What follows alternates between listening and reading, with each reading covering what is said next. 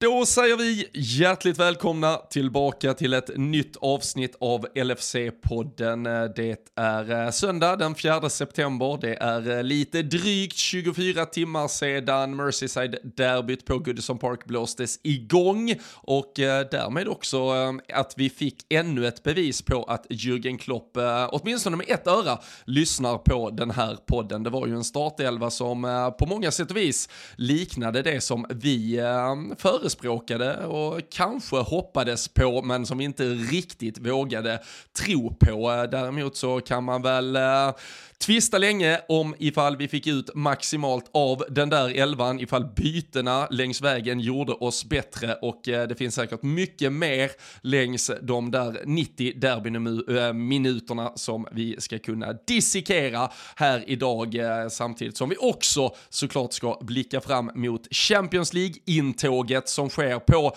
onsdag på eh, Stadio Diego Armando Maradona. Det är ju inte San Paolo längre i Neapel. Eh, tredje gången gilt som vi åker dit där i ett eh, Champions League-gruppspel under Klopps ledning. Men eh, vi gör avsnittet, precis som vanligt, tillsammans med LFC.se. Det är ju där ni hittar den svenska supporterklubben vecka in och vecka ut och ni följde väl förhoppningsvis med i alla turer under deadline day. Vi satt ju här och poddade en, ja, tio timmar innan fönstret stängde, men Artur han ju både bli klar och sen faktiskt också spelklar. Han hade ju fått fått det där international clearance så att han kunde vara med på bänken. Dock inget inhopp, vi får se om debuten sker i hans eh, ja, forna hemland Italien istället i veckan. Men eh, nu ska ni göra som ni brukar, sätta er till rätta och så sparkar vi igång ännu ett avsnitt av LFC-podden.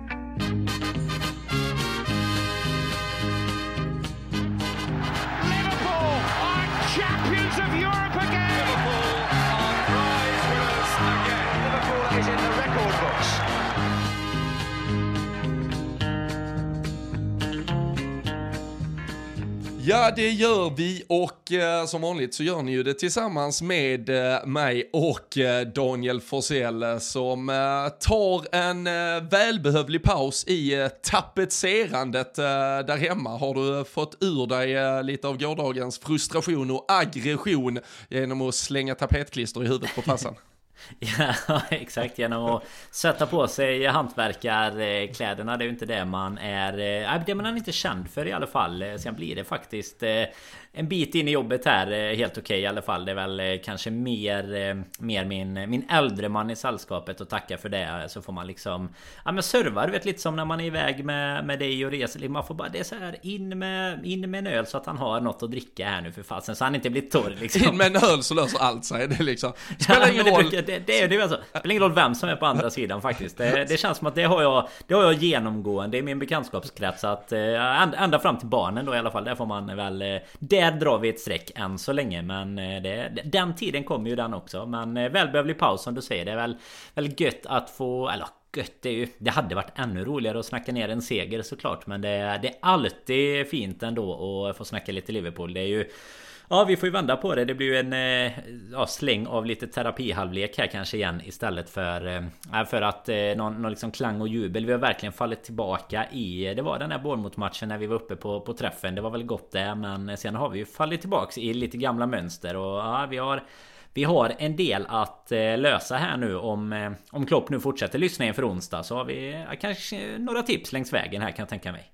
Ja, vi får väl se hur det blir. Det första vi, vi ändå kan konstatera, jag var ju själv eh, på hela förmiddagen igår var jag iväg på, på, på egen fotboll med, med, med, gänget som man eh, åtminstone just nu coachar eh, med lite större framgång än vad, vad Klopp gör med sitt Liverpool. Men när jag satte mig i bilen för att brassa hemåt till derbyt då, då låg det ett litet pling från dig direkt där i samband med att startelvan hade kommit att vi, vi återigen kan konstatera att den jäkeln tjuvlyssnar en del. För uh, även om många kanske trodde att det skulle bli lite safety first, att James Milner skulle kliva in på det där inom mittfältet, så valde han dels då Carvalho och Elliot tillsammans med Fabinho och uh, Darwin Nunes slängdes också rakt in i hetluften. Även om det verkar vara med ett par, uh, jag vet inte, tabletter Valium eller någonting. För det var en lugn uh, Darwin Nunes i förhållande till vad vi har sett både på och vid sidan av plan uh, de senaste veckorna. Ja det var ju en härlig intervju med Klopp där han eh, sa att han ofta När han går förbi honom på träningen att han liksom både gör en high five om han gör något bra men också ett litet slap on the neck bara för att påminna honom om att eh, han, han måste tygla sig lite och eh, igår såg han ju nästan lite för trevlig ut. Han, jag kommer inte ihåg vem det är men det är någon som är nere och tacklar honom vid eh, hörnflaggan typ när han liksom blir intacklad där. Där vill man ju egentligen nästan ha lite uppväckning i, i derbyt snarare än, eh, än att han bara eh, drar ett leende för att han inte fick någonting och blev ju lite lite sådär eh, ja, Lite sån stämning som vi kanske hade väntat oss. Eh, Taylor blåste väl lite, lite hejvilt åt båda håll ett tag där och då blev det ju eh, man, man märkte att han fick igång publiken och sådär. Och då, då borde ju Darwin också ha kommit igång tycker man. Men det var mm, förvånansvärt lugn men kanske med mycket Mycket, vad säger man, liksom Både tips från lagkamrater och mer rutinerade men även lite Kanske restriktioner ifrån staben kan jag tänka mig kring Vad som gällde där. Och det tog väl, vad fasen det det, var inga kort egentligen innan i slutet nästan heller va? Så att det var ju väldigt lugnt på den fronten. Onana fick väl ett äh, nästan lite orättvist. Det var väl egentligen när Anthony Gordon hade ju äh, dratt ihop och samlat ihop kanske till ett genom mm. att gjort äh, tre, fyra tjuvsmällar. Det var väl i alla fall två eller tre av dem som kom på Tsimikas och sen var där en till och så tyckte jag nu får han väl det. Och sen tar Onana då ett ganska, ja men en ganska billig frispark, typ sekvensen efter och då får han det istället. Då får han lite zona för vad Gordon hade sysslat med. Men, det var ju som du sa, han hade ju, ett, han hade ju verkligen en session där han typ tar två, tre frisparkar på en minut typ. Alltså på Tsimikas. Det är väl han drar en på kanten och sen så fort frisparken är lagd så är han på honom igen. Och där, där kände man väl att det borde kommit fram. Men det är ju sant, det är ju slutet på första där. Och sen är det väl inte innan van Dijk får eh, egentligen ja. som det ett, ett, händer ett, något mer. Ett, ett orange kort eh, eller till och med rött enligt... Eh, jag upplevde det inte alls så under matchen. Jag vet inte om du kände den faran redan i sekvensen. Men, men det finns ju absolut stillbilder. Alltså det finns, det finns en VAR-helg som, som hade varit lång att prata om ifall ja. vi skulle gå igång där. Men eh, om vi bara stannar snabbt vid, fan, har du sett, jag har faktiskt inte sett egentligen, alltså levande bilder så att säga, eller livebilder på som ser så allvarliga ut. Stillbilden ser ut som att, fan det här är ju fog för rött, men det känns ändå som att Alltså den här, det är ju inte dubbarna in i skenbenet utan det är ju dubbar in och så slidar den lite ner den här klassiska, mm. att man, ja. Men äh, ja det ser jag, det, och det är också sl lite signifikant för van Dijks lite slarviga försvarsspel just nu. Mm. Ja men det, det, är det ju delvis men sen är det ju alltså de pratade om det lite i sändningen där när jag kikade på och de eh, på, på den brittiska har de ju alltid med sig han Peter Walton eller vad han heter någon sån här domarexpert eller han är väl gammal domare men som som eh, är lite deras så go to direkt liksom nästan nere, nere på linjen ungefär. Och han säger ju direkt att det är ett gult kort för att inte satsningen inte är farlig för precis som Nej, du säger alltså jag tänkte inte ens på det när det händer utan det är ju mer att van Dijk går ju in för att och typ stanna eller markera eller vad man ska säga. Så han kommer ju inte med någon fart eller någonting. Men jag hade faktiskt en, en liten eh, chatt eh, igång eh, med en av våra poddenlyssnare här vet jag. Och som vi skrev just att liksom vänta. Alltså hur många minuter kommer det ta innan den här kommer upp i en stillbild istället. Och ja, snacka om rött då. Det var, jag tror att det var på något svar till någon tweet som du la faktiskt. Som jag upptäckte den snabbast. Det var väl typ en sekund efter slutresultatet ungefär som som den också kom upp och eh, sen som du säger VAR VAR hade ju andra problem den här helgen? Men jag tror inte ens väl att den går till VAR eh, heller Utan nej, han får väl ett gult. nej. Och sen är ju alla jättenöjda med det och det är ingen på planen ingen Det är klart att Lampard sitter efteråt och tycker att det skulle vara rött Men det är ju Det är bara för Alltså det, det, så är det ju alltid. Det hade varit samma säkert om det var, var Klopp liksom. Men det är ju ingen i situationen som tycker att det är, eh, är rött. Och som sagt Walton där pratar jag om att det är ju Det har ju med satsning och intention att göra ungefär Och här är det ju kanske snarare otur att det är just dubbarna som träffar. Eh, även om det såklart på stillbilden kan jag se det ju blodrött ut. Men eh, det, det, vet vi sen gammalt. Det har vi lärt oss nu. Du fick också på tal om ett Twittersvar. Fick ju du någon annan som hade dratt en egen offside-linje med. Så ja, mycket kan man göra med, med stillbilder. Ja, i, nu för tiden faktiskt. Ja men vi skulle bara för att knyta ihop den där uh, säcken som uh, började någonstans. Ja men som uh, började någonstans också med Darwin Nunes och hans temperament och som nu gick över i lite VAR och bedömningar. Så, så det enda lite cheeky han gjorde var ju när Connor Cody stod och konstaterade att hans mål hade blivit bortdömt så gick han ju bort till Cody, jag vet inte om de har sett bilderna på det och så gör han ju den här lilla VAR-tecknet och, och garvar lite åt honom för han, även, om det inte, ja, även om det inte var på Richarlison nivå. Det hoppas jag inte du har missat när han firar det helt eh, oviktiga 3-1 målet i typ 93 minuten. Får eh, gult kort för att slita av sig tröjan och sen konstaterar man att målet inte gälls. Så så var det ju fascinerande. Connor Cody, jag tror alla känner till hans historia, spenderat eh, drygt 10 år i Liverpool, eh, kom som 11-12-åring, gick ju hela vägen upp, eh, var ju med i, alltså han fyller ju typ 20 kring eh, Roy Hodgson-eran och det är väl lite suspekta Europa League-kval och annat eh, han är med i och något år till han är kvar innan det sen blir, eh, det är väl Huddersfield som är första permanenta flytten tror jag för honom. Men eh, har ju alltid, när han har kommit tillbaka till exempel som Wolverhampton-kapten har han ju alltid applåderats av de Kopp och har ju alltid sett som en, ja men one of our own i stort sett och man ryckte väl lite på ögonbrynen redan att han överhuvudtaget valde Everton samtidigt. Det är en det är spelarna som, alltså det är, en, det, det, det är proffsfotboll vi spelar, han behöver ha ett jobb så att säga och det var väl den högsta nivån som kunde ge honom garanterad speltid på, på den nivån. Ja, det finns hem, ett VM. Lite, yeah. Säkert lite hemstad och sådär också, så du bor ju jo, fortfarande såklart. i Liverpool liksom, även om du spelar i Everton. Men, men som du säger men, med den historien så... Och, och, då, och då tänker jag mig i det här där, att man då, för det första, han bör nästan känna att det är offside, för det är så pass solklar offside. Mm. Och oavsett att, att fira så, alltså så här, jag köper det helt, jag, jag kan vara fine med det. Bara han också är helt fine med att det per automatik då bränner alla broar. Alltså för jag tycker så här, du kan inte ha både ha kakan och äta den. Du kan inte säga sen efteråt att så här, men jag, ni vet ju att jag älskar Liverpool ändå. Nej, fast det valde du att inte göra. Sen fine att du kör på detta, men nu har du ändå valt sida. Så jag, jag, jag var förvånad att han firade på det sättet. Alltså så här, fine, var glad, men du behöver ju inte fira mer än vad alla andra som inte har en relation till Liverpool ska göra. Och sen dessutom får du bort dem, så nu bara valde du att rasera allting. Det var äh, häpnadsväckande ändå faktiskt. Ja men det var lite det känslan var tyckte jag med. Som du säger alltså det var, det var inte så här alltså jag kan ändå fatta det är också en tät match och de alltså för dem är ju Liverpool eh, alltså det är ju det är ju någonting eh, otroligt viktigt för, i kalendern för Everton supportrar såklart den här eh, säsongen och alla säsonger. Men men att istället för att du Alltså, han, han, måste ju ändå på något sätt kunna måla upp i bilden framför sig att han skulle kunna hamna i en situation där han eventuellt kommer göra mål på sin gamla klubb och, och att jag, jag tycker det är alltså visst med respekt att du inte behöver att fira och sånt. Det är väl det är enkelt men jag menar i stundens hetta så, så skulle jag ändå kunna tänka mig att du så här att, att du blir ganska glad men, men som du säger så är firandet är ju liksom på en nivå. Ja men det är ju Det är liksom om du ska dra ut eh, Darwin Nunez från eh, förra matchen till exempel Vad han eventuellt hade firat med Om han gjorde målet i den 98 minuten mot eh, Newcastle där alltså i, Och då tycker jag Då är det precis som du säger Då väljer du ändå Sida ganska starkt där Genom att verkligen alltså köra någon eh, hoppgalopp och bara fira med fansen och Ja det, det är helt enkelt så att det blir nog inte så mycket applåder när han kommer till Anfield eh, nästa Nej. gång helt enkelt. Så kan vi väl, det kan vi räkna med. Och, slå fast. och sen är det ju också som du säger, han borde ju ändå känna av Alltså oavsett om man känner att det är offside eller inte Så borde han ju definitivt känna av att det här kommer det att, att granskas Sen kan jag ju ifrågasätta varför granskningen tar sån jäkla tid Med tanke på att det är ganska så, så solklart ändå men, men det är väl det med vinklarna antagligen eh, om vi nu ska knyta ihop den här Twitter-vinkelsäcken också så är det väl det som gör problem. För det, det, märker man ju att bilderna som de kablar ut hela tiden har ju ingen riktigt bra sidvinkel liksom. Utan i vissa lägen ser det ut att vara super offside och sen är det någon, något läge där man tänker att äh, det kanske är onside när de vänder på någon annan kamera. Men jag menar att ha det, alltså sen när du väl har dratt linjerna så är det ju väldigt uppenbart att det är eh, alltså väldigt mycket mer än någon tåspets i alla fall. Så då ja. borde han ju själv känt att eh, här finns risken. Jag kanske ska, jag kanske ska chilla lite men nej, jag vet inte. Den, eh, det finns kanske inte i Codys repertoar riktigt.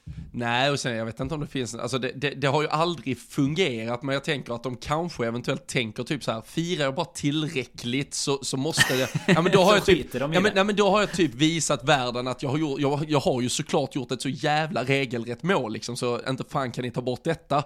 Gör du mer bara en tap-in och står och stirrar ut mot uh, linjedomaren, då, då kommer kanske flaggan lite snabbare. Men som sagt, eftersom de ändå kommer millimeterkollade Förutom ifall man gör som i eh, Manchester City, eh, Aston Villa, att eh, man väljer att blåsa av spelet innan Coutinho trycker upp bollen, ribbar in i krysset och man sen inser att oj fan, det var ju inte offside. Så, så mm. nej, det, det, blir ju, det blir ju millimeterrätt oavsett om man tycker det så att säga är rätt eller fel. Men eh, Connor Cody eh, till handlingarna, eh, Darwin Nunes eh, kom in i matchen med, med lite valium kanske och det var en startelva annars då som vi hade pratat upp. Eh, Costa Simika istället för Andy Robertson känns som det har legat lite i luften ganska länge med tanke på att Robertson väl har haft en ganska så, samtidigt också så här, har de varit svagare än Trents, van Dijks, jag vet inte, men i ett Simika så har vi ju en fullgod ersättare så att det bytet skulle komma förr eller senare. Och framförallt nu med tanke på det hårda matchandet som väntar var väl inte helt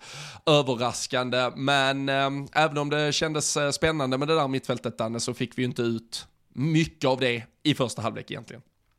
Nej, det blev ju eh, det blev ju inte alls vad vi hade hoppats på eh, helt enkelt. Alltså vi, vi hade väl hoppats på att vi skulle dra upp tempot. Alltså är det någonting man ändå ska ge Everton så måste jag ju säga att det blev ju inte så jättemycket av det som vi hade räknat med. Att så här Pickford skulle lägga sig på bollen i 30 sekunder varje gång. Utan i många i många lägen så är väl eh, alltså en match som böljar Alltså mer i andra halvlek i och för sig Men en match som böljar ganska mycket fram och tillbaka Och eh, alltså där båda lagen ändå får lite halvchanser till kontringar. I första tycker jag väl att vi kontrollerar mer boll. Sen att de också skapar något, något läge där Tom Davis är nära på att sätta en En yttersida bakom Allison Och vi har ju våra lägen på både Diaz och Nunes lite senare Men mittfältet ja, i sig tycker jag varken vi Alltså att vi får ut eh, Någonting av egentligen om jag ska vara ärlig. Det är jättetråkigt att säga Men med Elliot och Carvalho där blev ju ju ingen Det blev ju inte som den länken mellan eh, mittfält och anfall som man hade hoppats på riktigt, eh, tyvärr. Nej, och ska man, ge, ska man ge Everton någonting i det för att fylla på också så, så är det kanske, samtidigt så borde vi ju då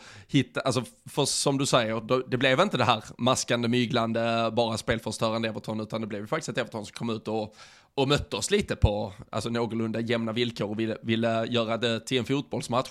Kanske för att man kände mot mot Harvey Elliott, mot Fabio Cavallo så var det kanske två spelare som inte skulle vara helt beredda på den fysiska kampen man, hade, man kunde göra mittfältet till. Var det däremot bara väldigt lugnt tempo så är det ju två bollkontrollerande, alltså extremt fina fötter i, i båda fallen där som, som kan ta fram bollen och trä fram passningar. Så, så kanske lite att vårt val av startelva gav Everton en, en anledning att twista lite i sitt sätt. Sen tycker jag att vi måste göra det bättre ändå. Det är ju, det är ju uppenbart att det finns ja, men stora problem på, på väldigt många ställen i, eh, i det här laget just nu. Det kom ju eh, siffror igår först eh, från Dan Kenneth, säkert många som följer honom på Twitter med att Liverpool nu har blivit då uh, outrun i alla matcher vi har spelat den här säsongen, det vill säga att motståndarna har samlat ihop flera totalkilometer än vad vi har gjort. Uh, det var väl mm. kanske mest berömt uh, den här säsongen annars för att det var det Brentford gjorde med, med råge mot United där när de vann med 4-0 och United sen ledda av Erik Ten Hag var ute och sprang, om det var 13,9 kilometer eller något skit dagen efter. Men där kände jag först när den statistiken kom, bara för att ta det, att så här, ja samtidigt, men mot Palace, mot Fulham, mot United, mot Newcastle så har vi hamnat i tidiga underlägen. Lag har kunnat backa lite hem, vi har stått ganska Alltså still med, sen är det ju ett problem i sig att vi har stått ganska still med bollen, men vi har ju varit spelförande, så jag har inte varit så här. Där kändes det inte som att, okej, okay, att vi inte löper mer löpmeter än lag som måste försvara sig mot oss, det känns egentligen ganska rimligt. Jag tänker att normalt sett brukar nog inte lag som har 60-70% i possession kanske dessutom löpa i i meter räknat så himla mycket mer. Men eh, därför jag hade den diskussionen med lite folk igår också på sociala medier. Men, men sen så kom ju då Dan Kenneth, han, han fyllde på den här tråden nu under morgonen och då, eh, då kom han med, han inledde i och för sig väldigt vänligt mot oss och skrev eh, I now regret to inform you that LFC also have fewer high intensity runs than our opponents in every single game. Och där är ju problemet. Alltså såhär, mm. löp inte mycket. Jag kunde inte bry mig om du löper en meter eller 500 meter, men löp för fan snabbt när du löper. Och nu har vi alltså rekordfå högintensitetslöpningar, vi får, vi har färre än vårt motstånd och vi skapar ju inga ytor för varken oss själva, för varandra i laget. Salah är isolerad ute på kanten, eh, Luis Diaz, Darwin Nunes, det var en varsin en liten ensam cirkus i första halvlek som såklart kan bli någonting, men där är ju inga kombinationsspel, där är ju inget löp, alltså det är ingen löpvillighet för varandra. Och det känns fan lite patetiskt och nästan äh, pinsamt på något sätt att man sitter och läser Pep Linders jävla bok som heter Intensity samtidigt som man sitter och tittar på den här jävla säsongsinledningen.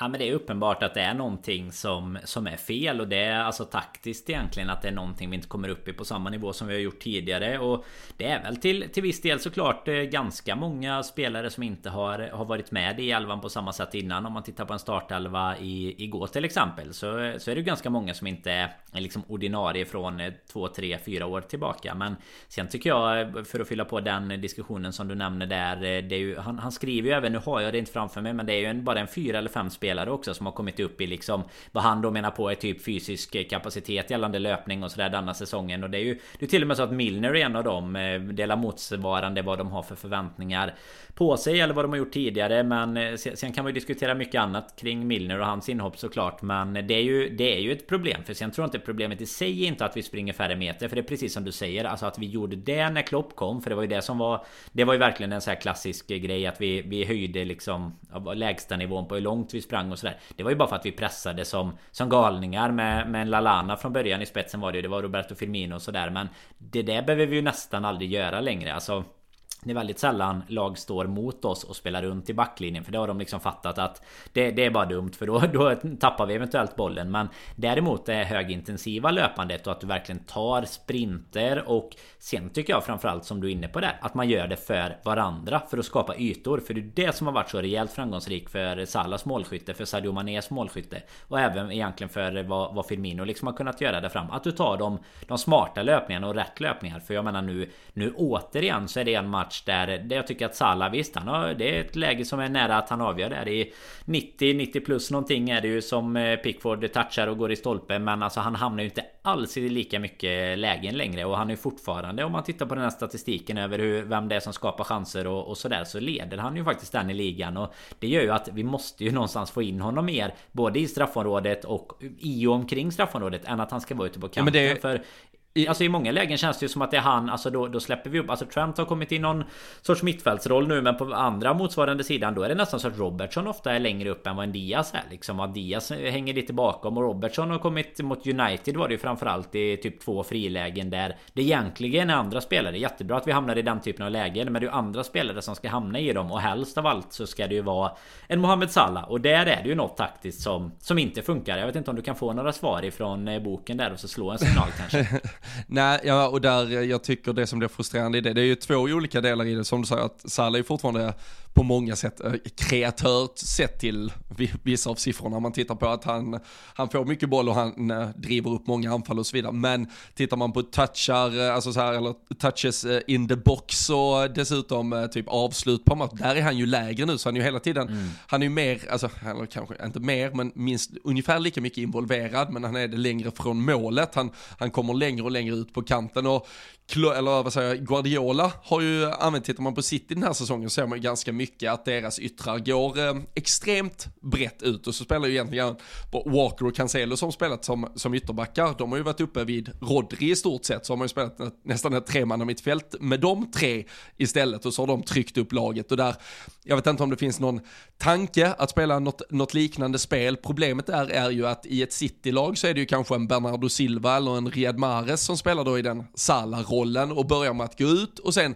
hämtar lite på. Och det är ju passningsskick, alltså det är ju spelare som vars stora styrkor kanske ligger i att ja, ha, ha ett kortpassningsspel, sen swinga in lite inlägg eller någonting. Men Mohamed Salah är ju för fan världens, alltså han har varit över fem säsonger typ världens bästa boxspelare, världens bästa avslutare, alltså vår stora målgörare. Han kan inte vi offra i, i samma position, då får vi i så fall göra om det helt. Då får vi väl spela eh, Diogo Jota eller Luis Diaz på den kanten och så får du spela Salah som central anfallare i så fall om det, är, om det nu är något ja, positionsmässigt som gör att vi, vi skickar ut honom där för att, eh, att ha honom så icke-involverad i alltså det, det, direkta målskapandet och i den yta där de flesta mål görs. Det, det är ju eh, det, det är livsfarligt. Alltså på tal om att City och Haaland som återigen gjorde mål, mål igår, det var väl på hans tio mål nu han har gjort på, vad är det, fem eller sex matcher han har spelat så var det det sjätte han gör innanför målområdet. Alltså på tal om att vara nära målet och bara smälla dit skiten.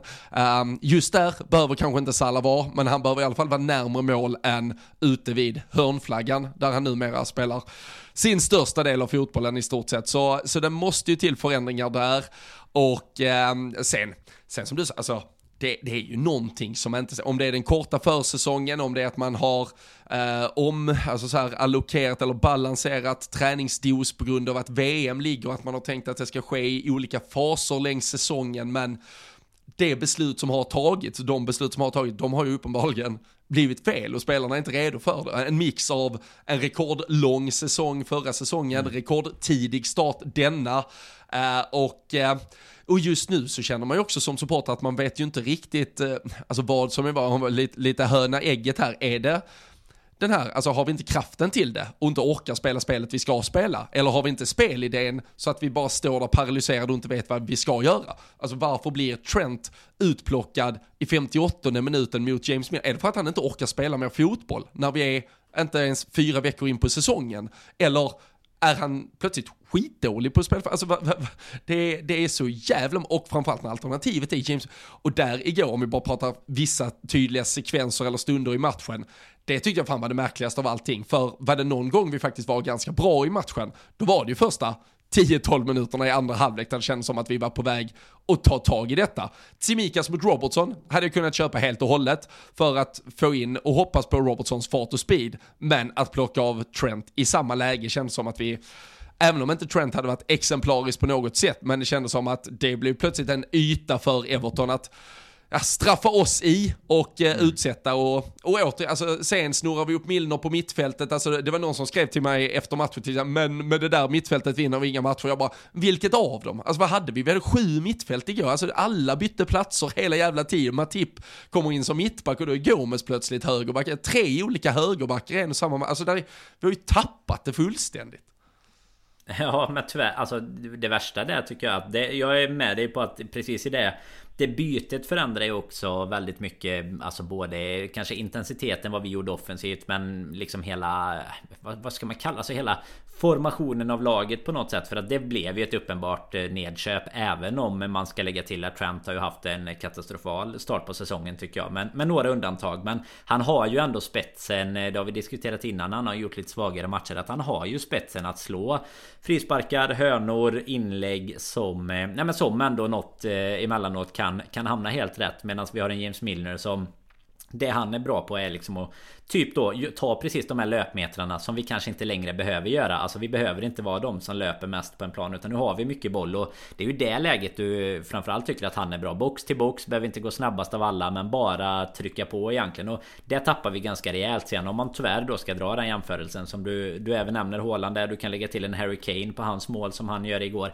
Alltså det är ju också den typen av mål vi kommer behöva göra. Det är väl tanken såklart att Darwin Nunez ska vara där inne. Men jag tycker inte heller att han kommer in så centralt liksom i boxen som, som han egentligen borde. Och sen så med de bytena Robertson, eh, Tsimika som sagt inget konstigt där utan där, där är väl liksom li, lite samma sak som när Tsimika har kommit in för Robertson att vi, vi kan droppa lite men det kan även bli lite bättre om den andra kommer in med lite mer kvalitet eller lite mer energi men att ta ut Trent mot en Milner det, då, då hade det väl varit bättre att Kanske ta upp han om han nu verkligen måste in. Ta upp honom på mittfältet direkt och i alla fall ha kvar de fötterna på planen när det står 0-0. Det är ju en sak om vi hade haft en ledning med 2-0 och vi har Napoli på onsdag. Då kan jag köpa att vi, vi liksom börjar att ja, lite ta ut, eh, inte segern i förskott, men alltså ta ut spelare för att de ska vara fräscha även till, till onsdag. Men vi kan inte, om det nu är den anledningen, så kan vi inte börja tänka på det. Lite som du var inne på, vad är det här? Är det att Trump haft en, en tuff start? Nej, eller är det att, att vi liksom sätter upp eh, spelarnas scheman? Att vi redan innan typ vet att han bara kommer få 60 minuter. Men det kan vi inte göra i en match tycker jag. Alltså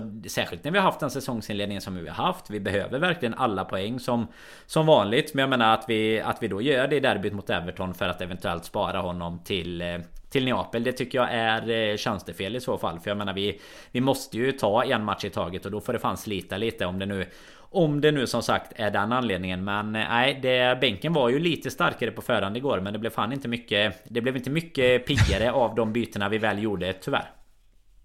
Nej, så, så var det verkligen. Och om nu, alltså Matip satt ju på bänken redan senast, om, om han nu var, var tillgänglig och man hade kunnat i så fall putta ut Gomes så känns det mycket mer som ett naturligt val kanske, än att fortsätta harva på med att hitta lösningar där, där James Milner alltid är svaret. match av Gomes ändå, tycker jag. Ja, men jag tyckte, det, Gomes tyckte... Var, det var lite som du var inne på förra gången, att eh, det, där är ju kanske ingen superbrådska. Det har varit andra positioner man har haft mer brådska på med, med skadorna som har varit och folk som behöver komma tillbaka. Men eh, sen är det ju så, han har ju kanske inte riktigt samma duktiga passningsfot alltid som Matip. Men jag tycker att han gör en bra match eh, försvarsmässigt och nästan på eh, som sagt det är ju behövligt jämte en van Dijk som är lite mer ur, ur slag just nu. Ja, nej, så eh, är det. Och uh, Harvey Elliot, det var väl eh, lite mer uh, wake-up call för hans, det var ju inte riktigt någon match där, där han kunde komma till någon rätta med, med sina kvaliteter. Luis Diaz, uh, som sagt, Darwin Nunes och, och Salah, så det är också en, det är en fronttrio som i slutändan lämnar matchen med varsin ramträff, men samtidigt så känns det som en fronttrio som knappt hade en pass mellan varandra, för det, det fanns absolut inget samspel. Och det är väl återigen lite det det kommer tillbaka till hela tiden. Så där, där finns ju, det är klart vi har spetskvaliteter som gör att vi fortfarande kommer att vinna matcher här och där. Alltså vi, vi kommer uh, fortsätta både både slå bra och på pappret mindre bra lag och vi, vi kommer göra det som då resultatmässigt ser ut som prestationer här och där. Det, det är jag ganska övertygad om, men det, det är just nu, alltså det, för, för både dig och mig och, och, många andra som, som spelar fantasy till exempel så finns det ju både statistik man kan titta på eller så finns det ju det berömda eye-testet också innan man ska göra ett byte. Är det för att en spelare har gjort mål i två matcher på rad man ska ta in honom eller ska man titta på hur de faktiskt ser ut och eh, tittar man hur Liverpool till exempel i form av sin fronttrio ser ut så ser det inte så jävla bra ut. Sen, sen kan de skapa chanser och det kan bli mål och de kan eh, snurra in både en och två i, i bortre. De hade kunnat göra vars ett eh, här igår också, men när de nu inte gör det och man då ganska nyktert kan titta på insatsen tillsammans så ser man ju att just nu kemin är där inte och eh, Luis Diaz på samma sätt som han kom verkligen in som den här virvelvinden. Vi, vi blev förälskade alla i honom och han, han har ju levererat på det i form av poäng och han bidrar med saker. Men kemin mellan Robertson har ju blivit egentligen lite sämre uh, känns mm. han och Diaz har ju inte i alla fall lyckats bygga upp det uh, samspel som han och Mané hade på, på, på långt, uh, eller på, på inga långa vägar alls. Och dessutom då, uh, kanske lite med övriga. Sen, sen att ha den, den, den eller de egenskaper han har och återigen så ser vi att han är på väg att komma in, böja in den och böja upp den i bortre precis som han gjorde mot äh, Crystal Palace när vi, när vi frenetiskt jagade ett mål så, så det är ju en USP där men uh, nej, många spelare som eh, bör vakna upp äh, den här söndagen, titta sig i spegeln och fundera på om det är dags att ransaka sig själva lite och även från äh, fysioteamet som ser ut att ha gått bort sig lite. De har ett lag som inte är tillräckligt starka, tillräckligt eh, redo för att eh, ta fighterna och eh, i ett derby är det ju det som behöver göras. Uh, vi, vi ska väl för att bara balansera allting komma ihåg att det är ett Everton som vi normalt, även när, alltså, när Everton bara är lagom dåliga. Nu har vi haft några år där de har varit jättedåliga, men när de är lagom dåliga så brukar Goodison Park vara ett ställe där vi faktiskt har det svårt. Alltså kryss på Goodison mm. Park, det har även de bästa klopplagen råkat ut för. Så därför, alltså det är ju inte heller så här att det resultatet i sig ska, ska bygga på någon panik, men, men det är väl just att man ser så mycket tendenser både på individuell nivå och kollektiv nivå där man känner att det saknas både idéer, det saknas fart, det saknas intensitet, det saknas uppenbarligen löpmeter och det saknas kemi mellan spelare. Så det är, det är, just, det är ju den påsen snarare av alla dessa ingredienser som är oroväckande än att vi tar en poäng på Goodison Park. Absolut, det är ju som du är inne på så har vi ju haft stora problem att ta, ta full pott där även tidigare. Så det, det är väl inte det som är, är, problemet i sig. Även om det verkligen hade behövts nu när vi redan har gått på några plumpar. Men det är ju snarare som, som vi har varit inne på här i, i drygt 30 minuter nu. Att det är ju eh, samma problem som vi har sett mot Newcastle. Där vi till slut lyckas ta ett mål i slutet. Hade det varit samma sak om Sallas där som sagt hade gått in. Då hade vi fått ett ja, lite flyt liksom med oss i slutet och då hade avsnittet kanske varit ett annat idag men det hade ju fortfarande varit samma tendenser i spelet. Vi har haft egentligen så i, i samtliga matcher där vi även har ett bottennapp mot United då där vi är riktigt dåliga och sen har vi, har vi en topp i Bournemouth. Det kan vi liksom räkna bort som man alltid ska göra. Man ska alltid räkna bort extremerna och så drar man ut snittet därifrån och då är det ju exakt det vi såg igår som vi har i, i liksom tre kryssade matcher och Ja, och en seger då som, eh, som var på verkligen på målsnöret. Så att eh, till trots om man liksom ska innan vi går in på Champions League avsluta ligaspelet om man säger så positivt så är det inte så jäkla långt upp till de andra lagen. Det är ju extra synd att vi då inte kan passa på att ta alla poäng. Men eh, Steven Gerrard lyckas ju snå åt sig en poäng av Haaland och Pep Guardiola där. Och sen eh, får vi väl se. Det är ju Manchester United mot Arsenal här senare ikväll. Så eh, mm. idag då söndag när vi ja, spelar in. Så vi får väl se när folk lyssnar här om Arsenal har ryckt i, i toppen. Men eh, vad fasen det tror vi väl ändå inte på, på lång sikt riktigt. Så eh, ja, hade ju varit skönt att bara ha tagit två stycken av de här kryssen i, som segrar istället. Men eh, det, det har det alltid varit eh, Robin. Det hade alltid ja. varit gött och vunnit istället. ja så, så är det ju verkligen. Det är ju, vi är ju faktiskt före Manchester United just nu i alla fall. Så, så lite vad som eh, händer där i United Arsenal. Så, så kan det ju vara att vi är åtminstone tillbaka före United ifall nu Arsenal blir att sticka iväg eller om United då vinner. Man, man, brukar väl alltid, eller man får väl göra det i dessa sammanhang, heja på det berömda krysset um, i de där uh, matcherna. Det, det kanske blir en klart mycket tätare tabelltopp än vad många nog hade trott på förhand så då är det ju alltid bättre att bara ett plus ett poäng, alltså två totalt istället för tre åt något håll delas ut. Eh, då finns det fler eh, uppsidor för oss längs vägen men eh, det är ju faktiskt sjukt att konstatera att vi, hade vi vunnit igår då hade vi alltså stått på 11 poäng och Manchester City har 14. Då hade vi bara varit vinst hemma mot City ifrån att uh, gå upp på lika poäng på dem. Uh, eller som ja, det dem. känns så, det inte som. Uh, det, det, nej, det känns det verkligen inte nej, som när man, det känns, det när man känns känner det känslan är.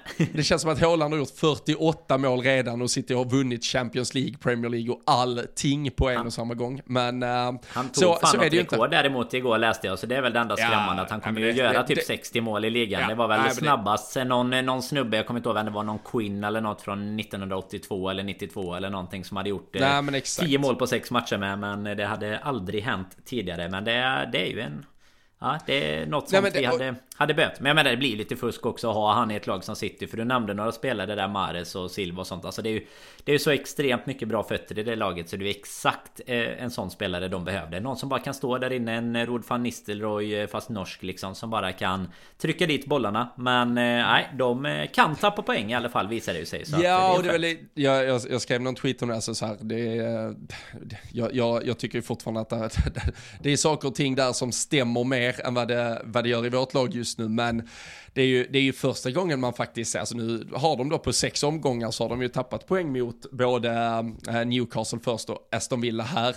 Äh, de har ähm, 14 poäng på, på sex matcher, bara alltså, strax över två poäng per match. Äh, det, det brukar ju vara klart mer än så. De snittar över en sån, har släppt in sex mål. Uh, vi har också det släppt in... Det jag väl är lite anmärkningsvärt. Alltså vi, vi, vi, alltså har, vi har också bara, ja och vi har också bara då släppt in sex mål uh, egentligen, alltså, vilket känns som, och det känns ju som att vi läcker uh, hela tiden, men, men City har ju släppt in lika många, men, men pro problemet, eller styrkan där har ju varit då, eller skillnaden framförallt har ju varit Erling Haaland, man ligger under med 2-0 mot Crystal Palace, men ja, då gör han ett hattrick.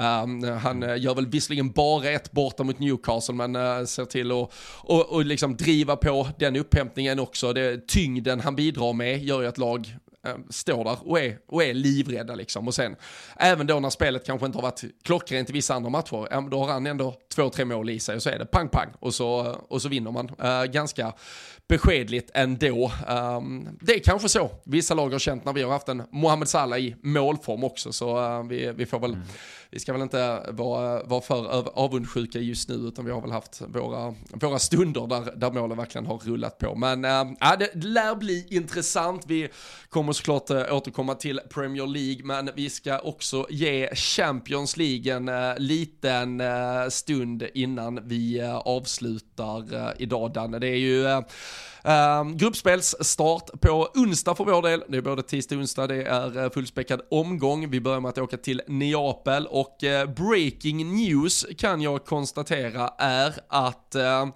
en mittfältare inte är registrerad i uh, våran uh, Champions League-trupp. Det kom för en dryg uh, halvtimme sedan och då ska vi se om du antingen har suttit och ögnat igenom Twitter as we speak, eller medans vi pratar i alla fall, eller om du vill gissa bara vem som är petad ur Champions League-truppen. Det har jag faktiskt inte gjort, men jag skulle ju gissa, alltså det är någon av de vanliga A-lagsspelarna om man säger så. Absolut. Ändå. Ja, Naby Keita då? Det är det. Uh, och uh, han var ju ja, först... De, de, vet väl att han är så skadad så han, det är inte därför. Det är bara, det är bara så alltså, han, ändå skadad, han har ändå en skada. Det är ju ingen som vet varför han är skadad. Så det kan ju lika gärna alltså, vara så. Han, han, har ju... Han, han, skadad fram han, till VM. Så vi nej, vet ju att han inte kommer nej, spela någonting. Nej, han, han, han har ingen skada. Alltså i så fall, bara, gå ut och säg vad han har för en skada i så fall. Först var han, först var han sjuk, sen hade han trillat och, och sen nu är det något annat. Ah, Klopp fick ju en fråga om det i fredags eh, på presskonferensen inför Everton också. Då gick han över och började prata om eh, andra spelare och deras fysiska status istället. Eh, det är ju något som har skurit sig rejält där och Ja, jag, jag vet inte för jag, mm, nej jag, jag, ska, jag ska inte ens äh, vädra. Det, det, det, har ju dessutom, alltså så här, jag, jag får en lite dålig alltså för så här också. Hade man bara velat sälja honom, är det bara bråket med agent och sådär, då borde man ha löst det. Om han nu ändå inte är reggad mm. i den här truppen och sådär. Sen har det ju tyvärr funnits saker vid sidan av planen, då omgärdats eh, honom av vissa rykten ibland. Nu har jag inte sett något mer om det och jag kommer inte gå in på det här och vill man eh, googla och göra något så kan man väl göra det själv. Men ah, lite sån känsla, fan är det något uh, riktigt pissigt uh, som, uh, som uh, händer där borta? Eller är han bara... Mm. Ja, jag vet inte, men vi får väl återkomma till det i alla fall. Vi konstaterar att han inte är i Champions League-truppen, han hade väl ändå varit skadad så han är inte uttagningsbar till på onsdag. Och frågan är ju hur vi mitt i denna då väldigt knackiga Premier League-uppstart ska balansera allting Danne med eh, den här Champions League-gruppen. Vi, vi pratar ju när vi såg den här gruppen om att vi kanske inte kommer att eh, slakta rakt ut och ta 18 poäng. Eh, man behöver ju faktiskt inte göra det heller oftast, utan 12-13 poäng brukar ju vara eh, more than enough för att rent av vinna gruppen och borta i Neapel i så fall så är ju frågan ifall vi åker dit för att få ja, men skutan på rätt köl så att säga och få ordning och reda på saker och ting, spela bästa möjliga lag som sen kan i stort sett ha det som en genomkörare inför Wolves på lördag. Eller tror du vi får se ett ganska roterat eh, Liverpool eh, i eh, Neapel? Nej men det finns ju, alltså vi, det är ju den svåraste matchen tycker jag på förhand i alla fall i, i gruppen så är det ju bortamatchen i Neapel och jag tycker väl att det finns eh, finns möjligheter att göra om alltså och portionera ut minuterna lite här för att till exempel ha en Firmino från start till exempel. Vi skulle kunna ha en om han nu är helt spelklar där med Arthur på mitten in Också istället kanske för en Elliot om han behöver vila eller en Carvalho som hade varit det mer naturliga om man väljer av, av dem där då. Sen har du ju en Robertson som antagligen kommer starta skulle jag gissa eftersom Simikas startade nu då senast. Och Även då eventuellt en, en Matip som ska spelas in eh, igen jämte van Dijk. Så att jag tror ändå att det kommer vara en del eh, förändringar sen skulle jag väl vara, vara jättenöjd om vi typ gick ut och spelade för att få med oss en pinne eller någonting. Alltså nu, nu kommer man ju alltid i matchen spela för att vinna och eh, gå så hårt det går antagligen. Men tycker ändå att vi kan, kan kosta på oss nu när vi ändå har en del spelare tillbaka att eh, ja, men dels försöka spela in några som kanske inte har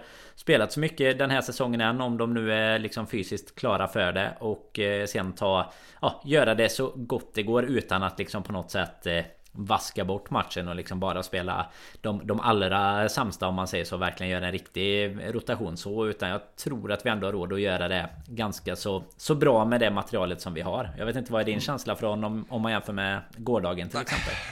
Nej men jag, jag tror väl att, uh, hade jag i alla fall varit Klopp så hade jag väl gett Darwin Nunes är ju bara att fortsätta försöka spela i, uh, i form och spela igång.